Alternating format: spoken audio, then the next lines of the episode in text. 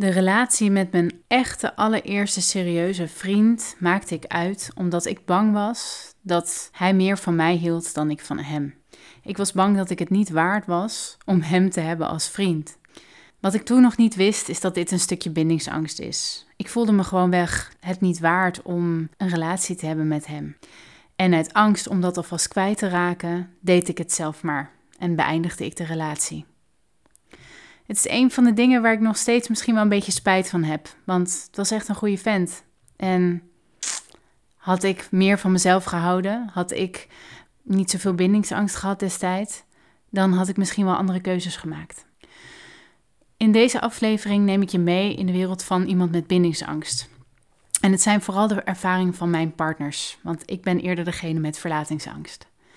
Een aantal voorbeelden komen langs en ik geef je ook advies hoe je in godsnaam van bindingsangst afkomt, zodat je gewoon een fijne relatie kunt hebben. Want dat is zeker ook voor jou weggelegd. Veel luisterplezier.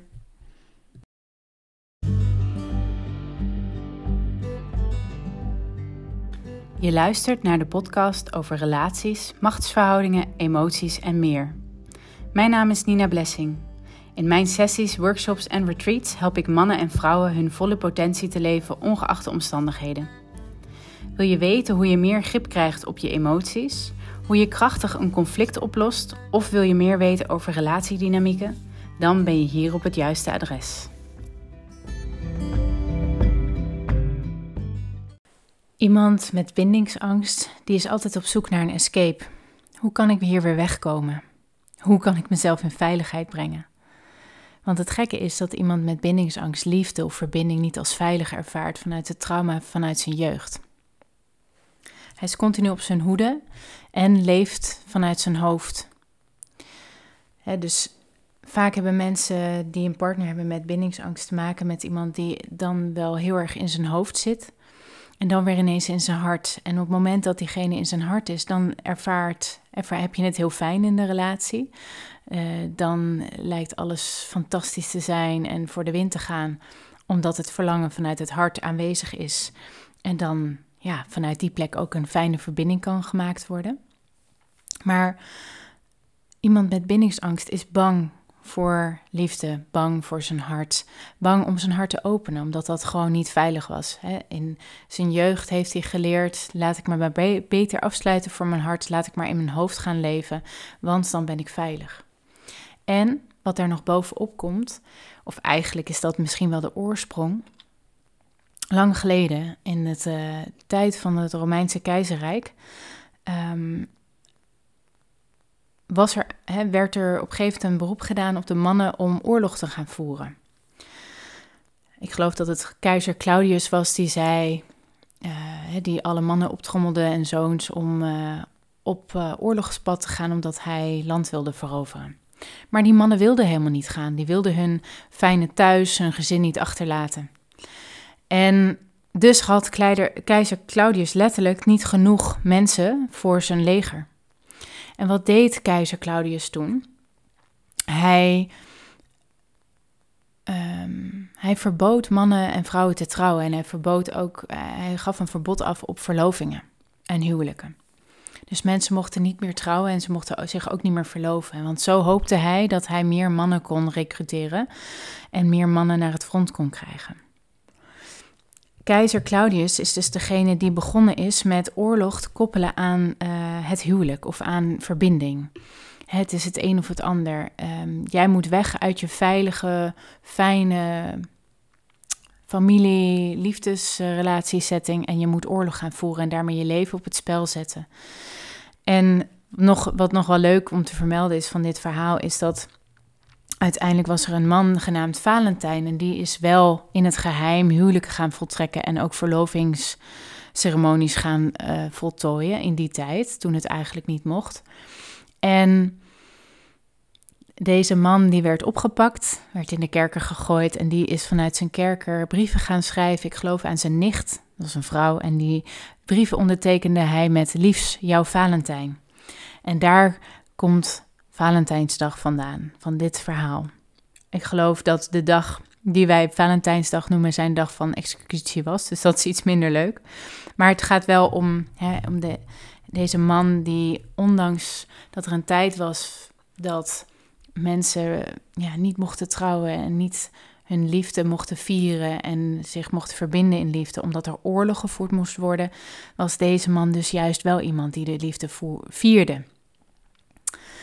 Maar goed, vanuit daar is het begonnen en we hebben natuurlijk sindsdien vele talloze oorlogen gehad waarbij mannen weggegaan zijn van hun vrouw, van hun gezin en waar ze vaak ook niet van terugkwamen. Ehm, en dat heeft zijn weerslag achtergelaten in ons DNA. Want wat onze voorouders hebben meegemaakt, dat dragen wij vandaag nog mee. En ehm, het is meestal de man die bindingsangst heeft. Doe je daar nog het schepje van zijn moeder bovenop die ehm, hem verstikt heeft van liefde. Of dan wel juist mm, ja, heeft getraumatiseerd uh, met afwezigheid van liefde. En al met al is gewoon liefde heel gevaarlijk geworden. En het is wel belangrijk om te beseffen dat nu je volwassen bent, dat je daar zelf verantwoordelijk voor bent. En dat je daar ook de verantwoordelijkheid voor moet gaan nemen voor die trauma's, voor die patronen. En dat je ook beseft dat je er echt wel van af kunt komen. Alleen zal dat niet gaan zonder slag of stoot. Het gaat niet vanzelf. Het is een illusie om te denken dat jij nooit verbinding kunt hebben, dat je nooit een fijne relatie kunt hebben. Dat kun je wel. Jij hebt het geboorterecht op liefde. Jij hebt het geboorterecht op een fijne verbinding.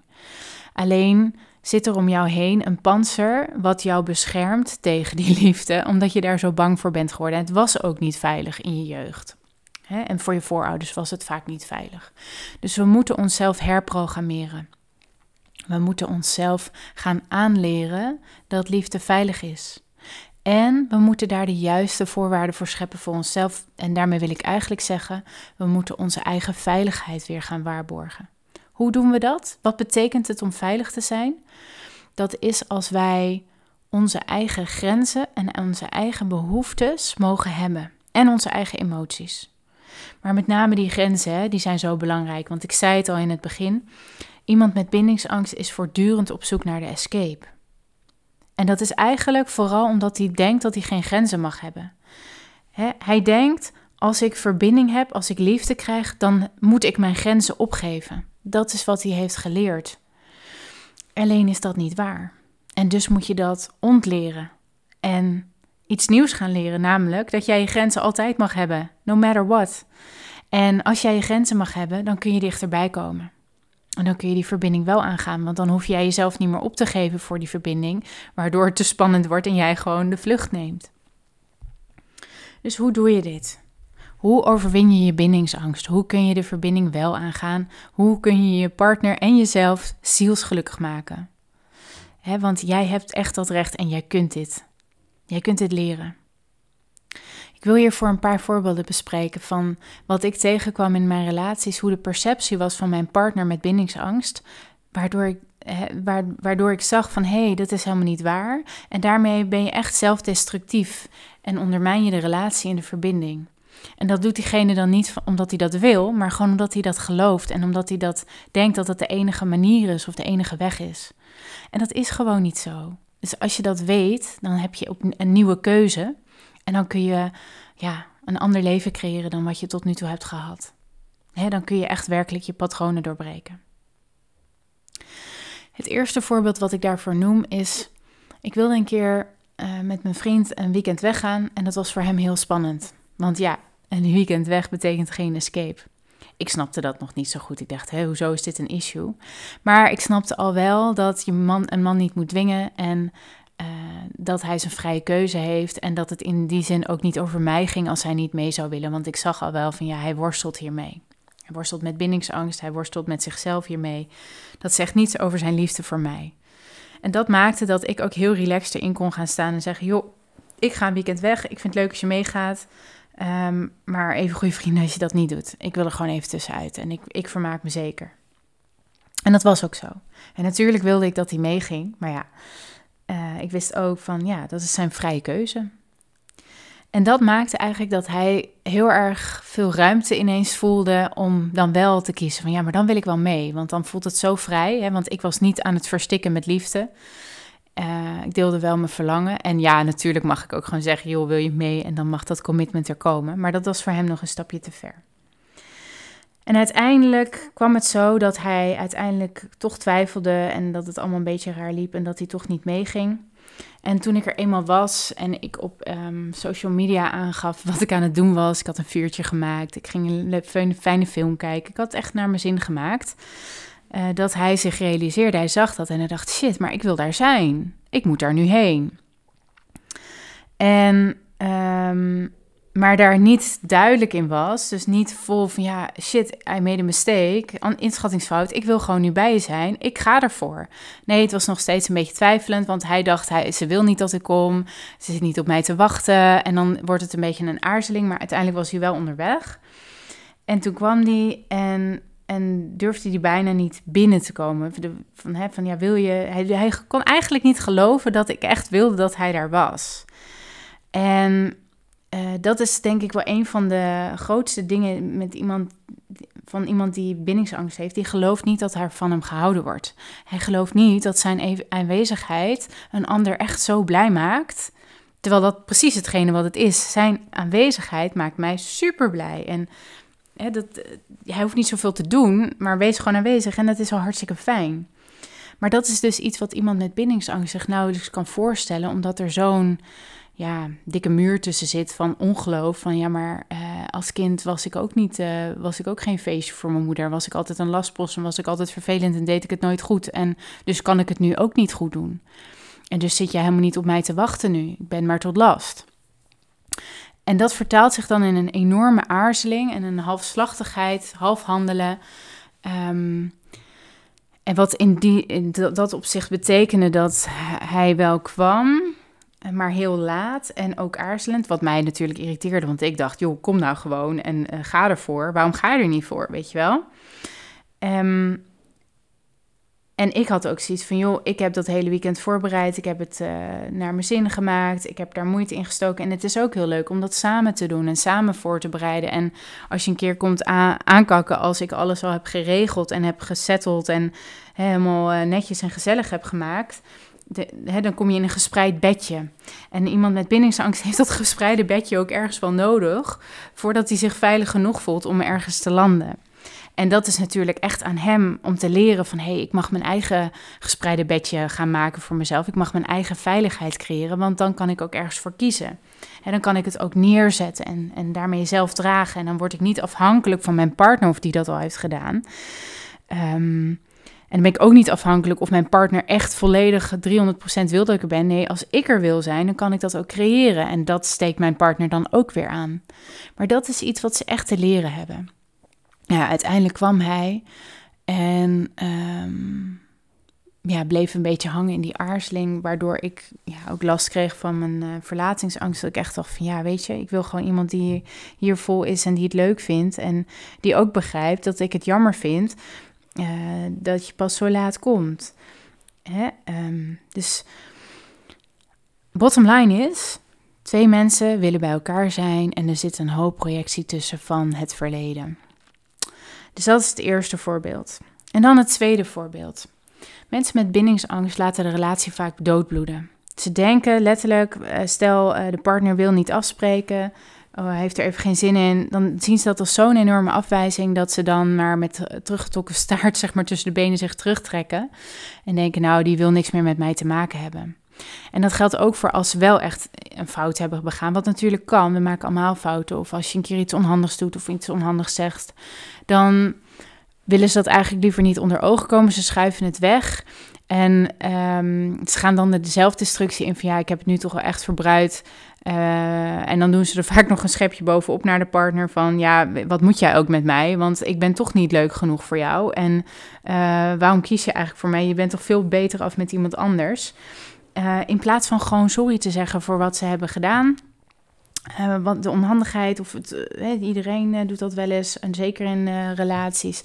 Zeg gewoon sorry en maak het goed en zoek de verbinding weer op.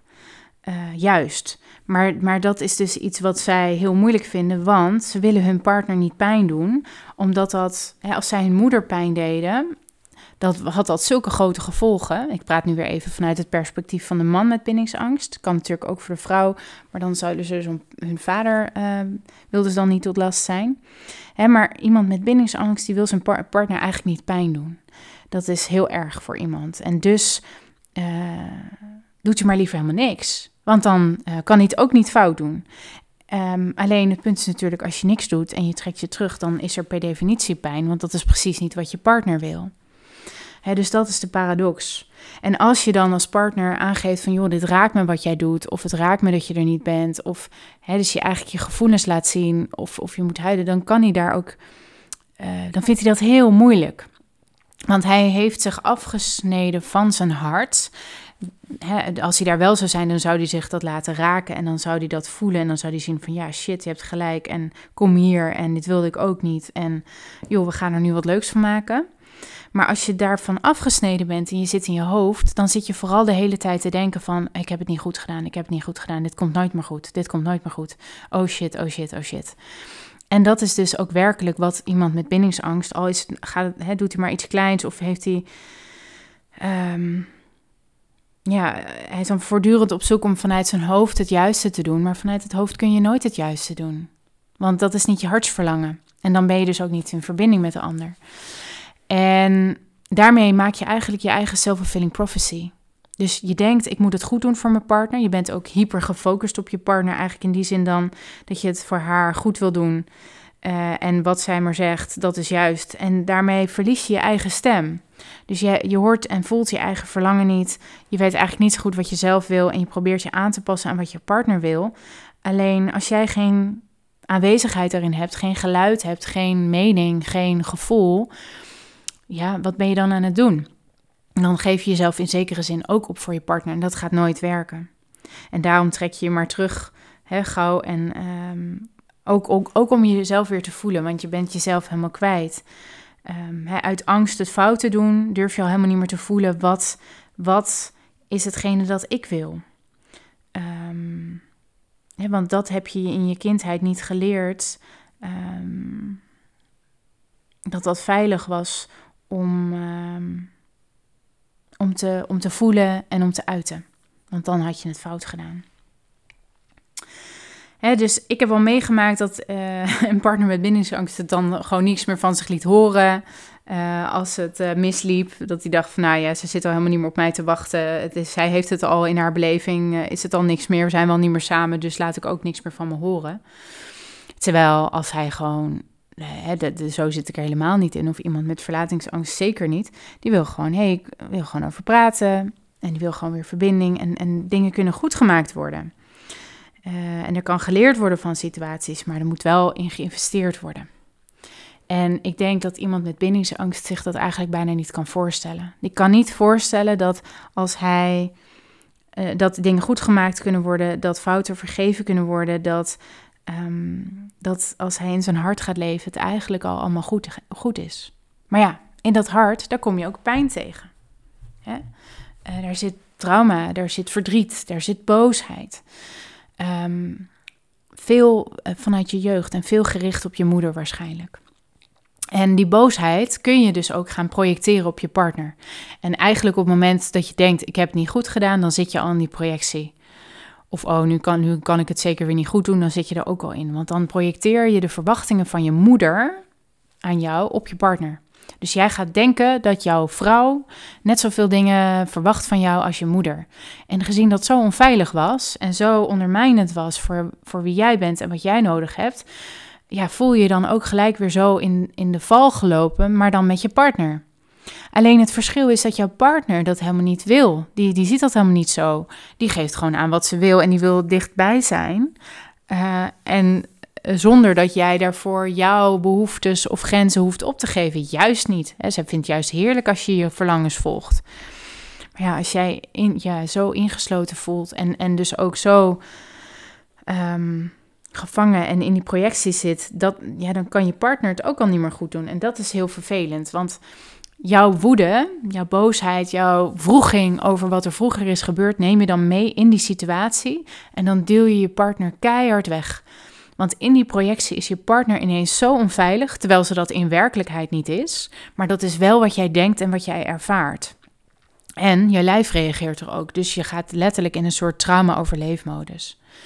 En dat maakt dus dat je precies hetgene doet wat destructief is voor de relatie. Dus je gaat je partner wegduwen, je gaat vluchten, je laat niks meer van je horen. Of je, je gooit er nog even een flinke ego-sneer overheen. Dat je echt even een sneer de bel doet. Of alles om haar maar weg te duwen. Zodat jij niet um, naar je gevoel hoeft. En dat jij um, ja, eigenlijk ook niet. Um, hoeft te denken van. Uh, eigenlijk is de boodschap.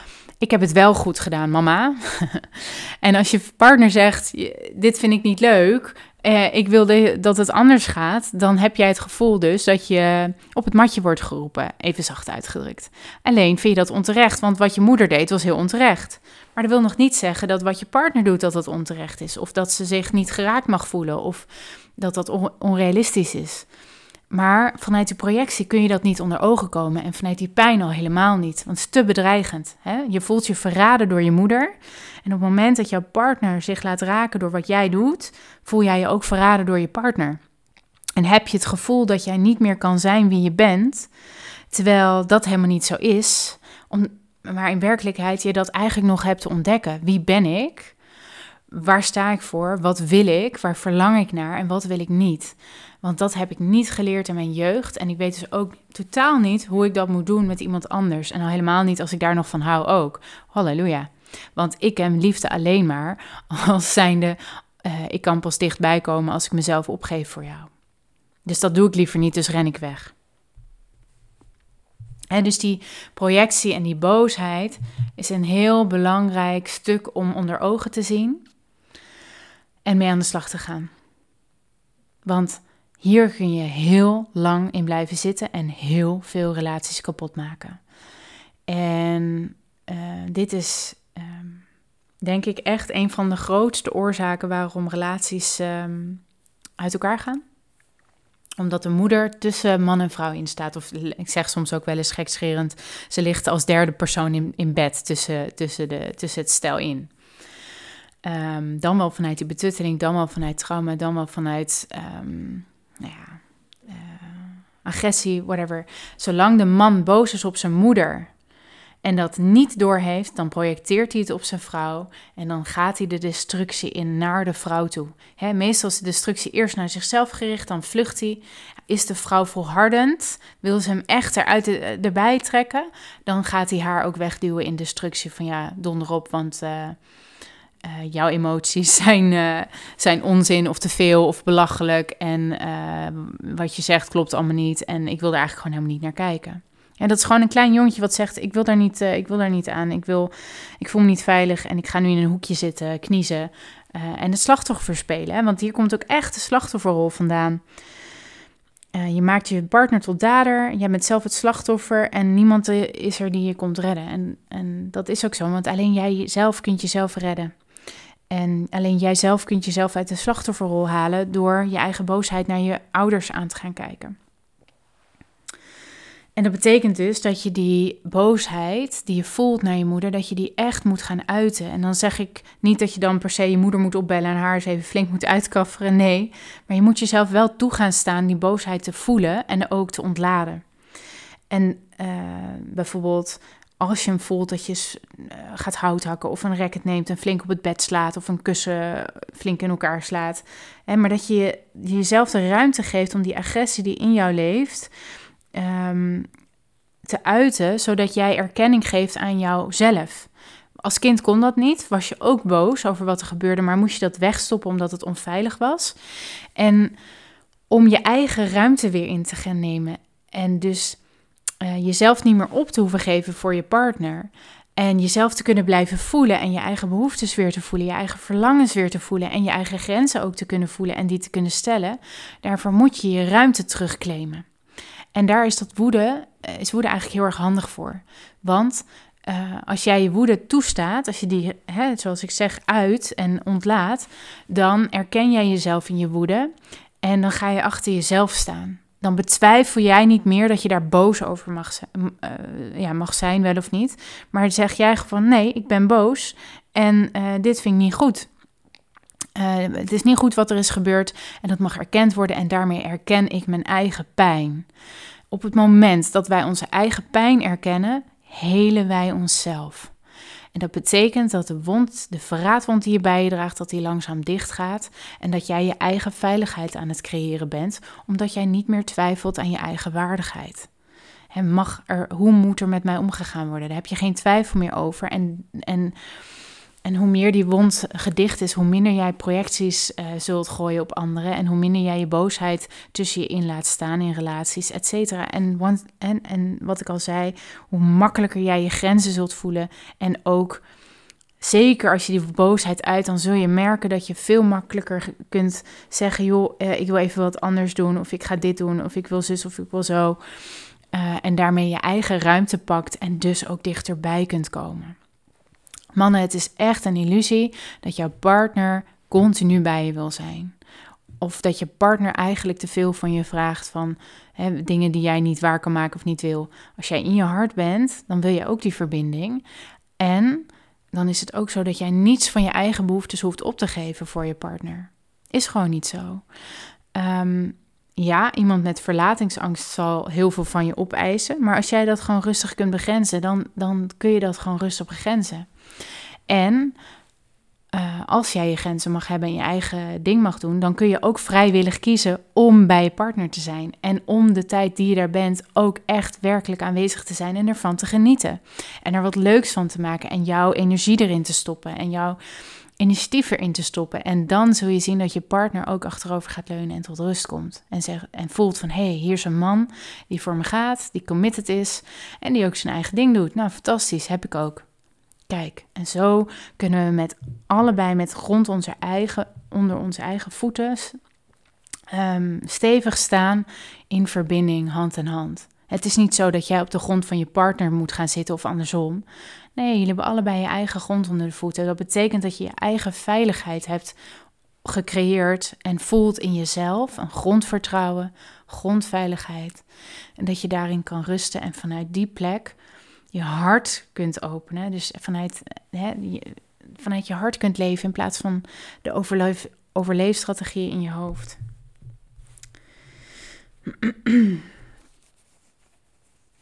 Dus, lieve man of vrouw met bindingsangst, het allerbelangrijkste wat je te doen hebt als je bindingsangst hebt en je wil wel in een relatie zijn, is dat je de verbinding aangaat. En dat je het ongemak en de turmoil die je daarin tegenkomt niet meer uit de weg gaat, maar dat je daarin ja, bij aanwezig blijft.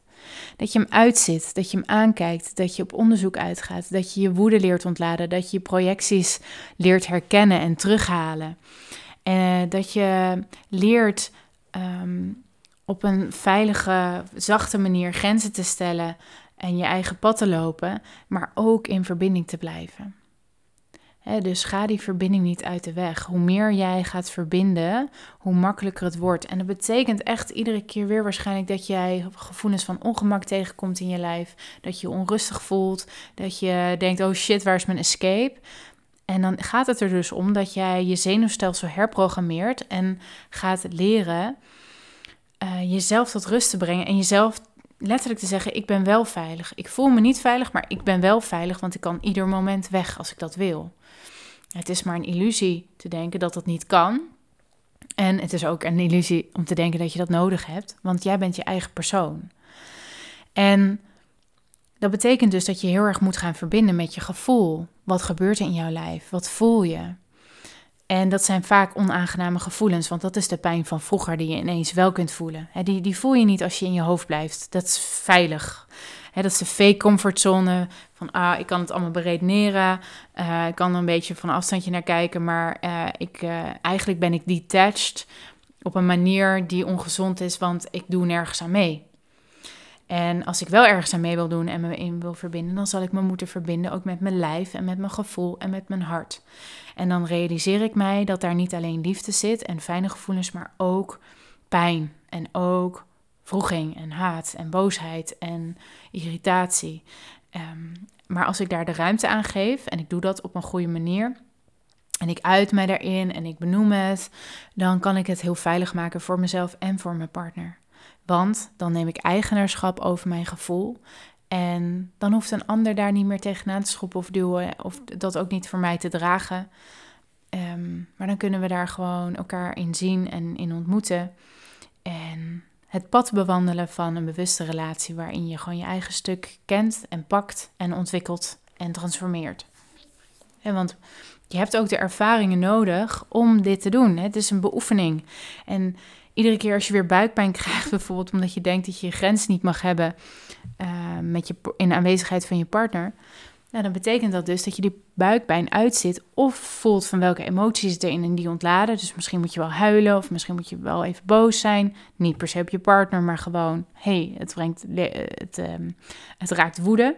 En op het moment dat je dan ontlaat, dan bevrijd je jezelf van het panzer wat jou eigenlijk gevangen houdt.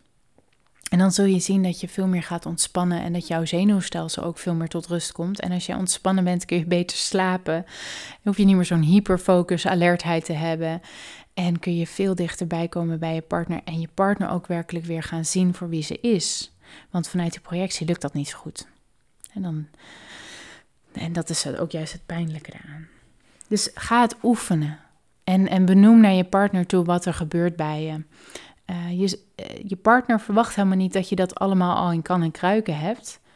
Um, ze verwacht wel dat jij eigenaar bent van jouw emotie en dat je daar zelf verantwoordelijkheid voor neemt. En dat doe je op het moment dat je het voelt, erkent, benoemt en, er, en ermee bent. Eh, want als je ermee kunt zijn en je kunt hem uitzitten, dan, um, ja, dan ben je eigenlijk al eigenaar. En dat wil dus niet zeggen dat het allemaal opgelost hoeft te zijn of dat het weg hoeft te zijn. Nee, daar gaat een beetje tijd overheen. En het is oefenen, oefenen, oefenen. En op een gegeven moment zul je zien dat het veel makkelijker gaat en sneller gaat en dat je er eerder uit bent. En dat je je minder gespannen voelt en dat je leuke ervaringen gaat krijgen. Omdat ehm, ja, als je hier doorheen gaat, dan ga je het leuker krijgen. Dan ga je meer verbinding ervaren juist. Uh, wat je misschien spannend vindt, maar dan krijg je zeg maar een fijne verbinding. Dan krijg, ga je ervaren wat echte liefde is. En dan ga je magische momenten beleven. En die momenten, dat zijn dan weer voeding voor de ziel en, en, en een realisatie van ja, ik, dit kan ik en ik ga hiermee door. Ja. Dus voor een man met bindingsangst en natuurlijk ook een vrouw met bindingsangst gelden er twee dingen. Zorg voor je eigen bedding. Dat betekent dat je jezelf kunt dragen, dat jij je gevoel uh, kunt voelen en dat je daarmee om kunt gaan, dat je eigen emoties kunt uiten en dat je daarmee om kunt gaan. En dat betekent dat je heel, ja, heel goed voor jezelf kunt zorgen. En dat is ook een ding wat ik vaak zie bij mensen met bindingsangst, dat is dat zelfzorg echt heel laag op het lijstje staat. Uh, ze kunnen zich er bijna niets bij voorstellen dat zij recht hebben op uh, zelfzorg of gewoon een fijne tijd. Ze zijn zo gewend om ja, met een bepaalde hardheid in het leven te staan naar zichzelf. Van dit moet ik allemaal waarmaken, want anders ben ik het niet waard. Het zijn ook vaak mensen die heel hard werken, weinig vakantie nemen, eindeloos doorgaan. Want ook dat is in zekere zin een vlucht. Want in dat doorgaan kun je, ja, hoef je je eigen gevoelens niet onder ogen te komen. Um, en weet je, als je als kind gewoon zo weinig hebt ervaren uh, dat jij ja, verzorgd wordt, dat je liefdevol benaderd wordt als je het lastig hebt uh, en ook als je het goed hebt. Um, maar dat je, ja, als je die benning niet hebt gehad als kind, hoe moet je dan als volwassen man voor jezelf zorgen? Hè? Als jij altijd met een zweep soort van achter je aan bent gezeten van het moet nog meer, beter, faster, je mag niet huilen, je mag niet boos zijn, je mag, niet, uh, je mag eigenlijk helemaal niks. Ja, en je moet alleen maar voor je ouders zorgen in plaats van voor jezelf, of, of dat je ouders voor jou zorgen. Ja, hoe moet jij dan weten dat jij recht hebt op zelfzorg? Dat jij het recht hebt op balans in je leven. Dat je het recht hebt op uitrusten. Dat jij het recht hebt op vakantie. Dat jij het recht hebt op een fijne tijd. Lekker eten, een gespreid bed. Hè, en once again, hier heb je twee smaken in. Er zijn mannen die, die echt altijd een gespreid bedje verwachten en alles voor zich gedaan willen hebben alle kleren gewassen en gestreken en hun bord laten staan nadat ze hebben gegeten en hun vrouw het eten heeft gemaakt. Die hebben gewoon totaal geen benul van dat ze daar zelf iets in bij te hebben dragen, omdat hun moeder dat altijd verzorgde. Maar je hebt ook de mannen die juist. En, en de grap is dus, mensen, mannen die dat hebben, die kunnen ook niet, vaak niet goed voor zichzelf zorgen. Want als al die mensen dat niet meer doen, dan hebben ze geen idee hoe ze dat dan voor zichzelf moeten doen. Ehm, en je hebt dus ook mannen die uh, wel ehm, nou ja, uh, dat zelf doen. Um, maar dat, die, die in zekere zin gewoon niet durven kiezen voor hun eigen welzijn omdat dat vanuit hun ouders toen ze klein waren ook niet is gebeurd. En dat is ergens heel verdrietig.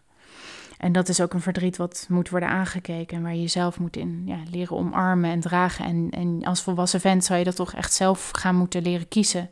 Dat betekent grenzen stellen op het werk ook. En ehm, ja, veel meer ruimte nemen voor jezelf. Uh, en jouw behoeftes. Hè, dit gaat over behoeftes. Mag jij je behoeftes hebben? Nou, in vele gevallen van bindingsangst niet. En dit is dan ook een heel klein voorbeeld hoe bindingsangst en, en ook verlatingsangst, maar dat gaat, uh, zal ik in een andere episode wel weer vertellen. Um, maar hoe bindingsangst ook doorwerkt in je werk uh, en eigenlijk in je hele leven. Je bent heel veel bereid om op te geven voor je baas. en wat, dan, wat je dan weer terug moet halen, misschien bij je partner. Want ja, waar, waar besta jij anders nog?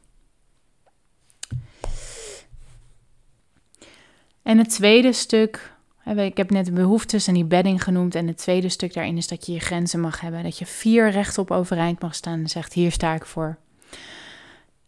Dit is wat ik wel doe en dit is wat ik niet doe. Dat je een ruggengraat hebt en dat is de mannelijke kracht. De bedding is de meer vrouwelijke kracht. Ik kan mezelf dragen, ik kan mijn emoties dragen.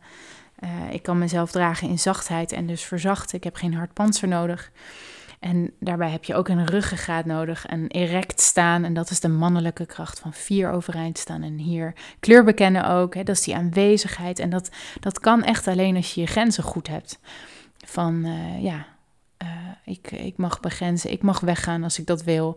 Uh, en ik mag ook komen als ik dat wil. Hè, dus um, ik denk altijd zo, als jij achterover kunt leunen, dan ben je met je bedding bezig kun jij jezelf aanwezig maken en heel zichtbaar maken, dan ben je met je erect staan bezig. En dan zijn dus die vrouwelijke en mannelijke krachten. En tot slot, last but not least, als samenvattend, dat jij in je hart mag zijn, dat je emoties mag voelen, je gevoelens mag voelen, dat je je liefde mag vieren, dat je die mag ontvangen en dat je die ook mag voelen en dat je die ook mag geven. En ja, zoals ik al zei, veel mannen met bindingsangst, maar ook vrouwen met bindingsangst, die wonen in hun hoofd als overleefstrategie en zoeken vanuit hun hoofd naar alle oplossingen hoe ze het beter kunnen doen of hoe ze het wel um, kunnen laten slagen misschien. Maar daar is het antwoord niet. Het zit in je hart. Je hart heeft alle wijsheden in pacht. Daar zit je verlangen, daar zit de zuiverheid.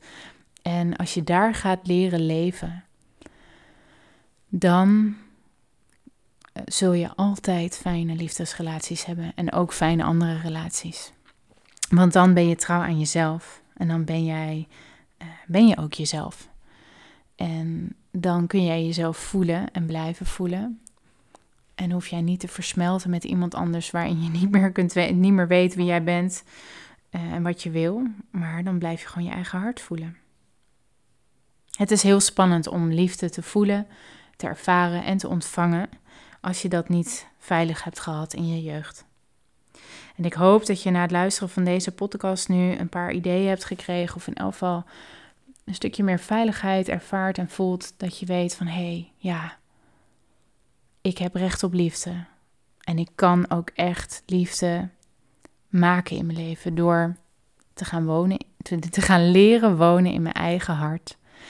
En dat is dan de uitsmijter van deze aflevering. Weet dat degenen die van je houden jouw healing zijn. Dat zij jou helpen. En jouw partner, jouw vrouw of jouw man kan echt de weg zijn naar jouw hart. Ga jij, ontwijk je dat? Loop je daar telkens voor weg? Dan loop je dus ook eigenlijk weg voor je eigen hart. He, vooropgesteld dat je echt van diegene houdt. Maar daar ga ik nu wel even van uit. Um, ja, en als je, als je voor je liefde wegloopt, dan loop je ook voor je eigen liefde weg in je eigen hart. Dus leer van jezelf te houden. Zorg dat je goed voor jezelf gaat zorgen. Leer grenzen stellen. Leer je grenzen kennen. Verzacht. En verbind, bovenal verbind en leer je zenuwstelsel aan dat het veilig is. Ga eens over in gesprek. Neem een sessie. Um, ga mannencirkels doen.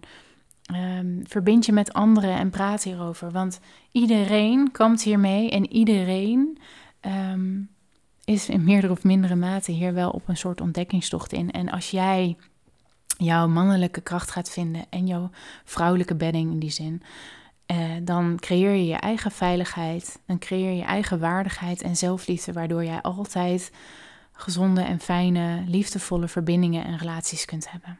En dat gun ik je echt van harte. Dankjewel voor het luisteren en tot de volgende keer.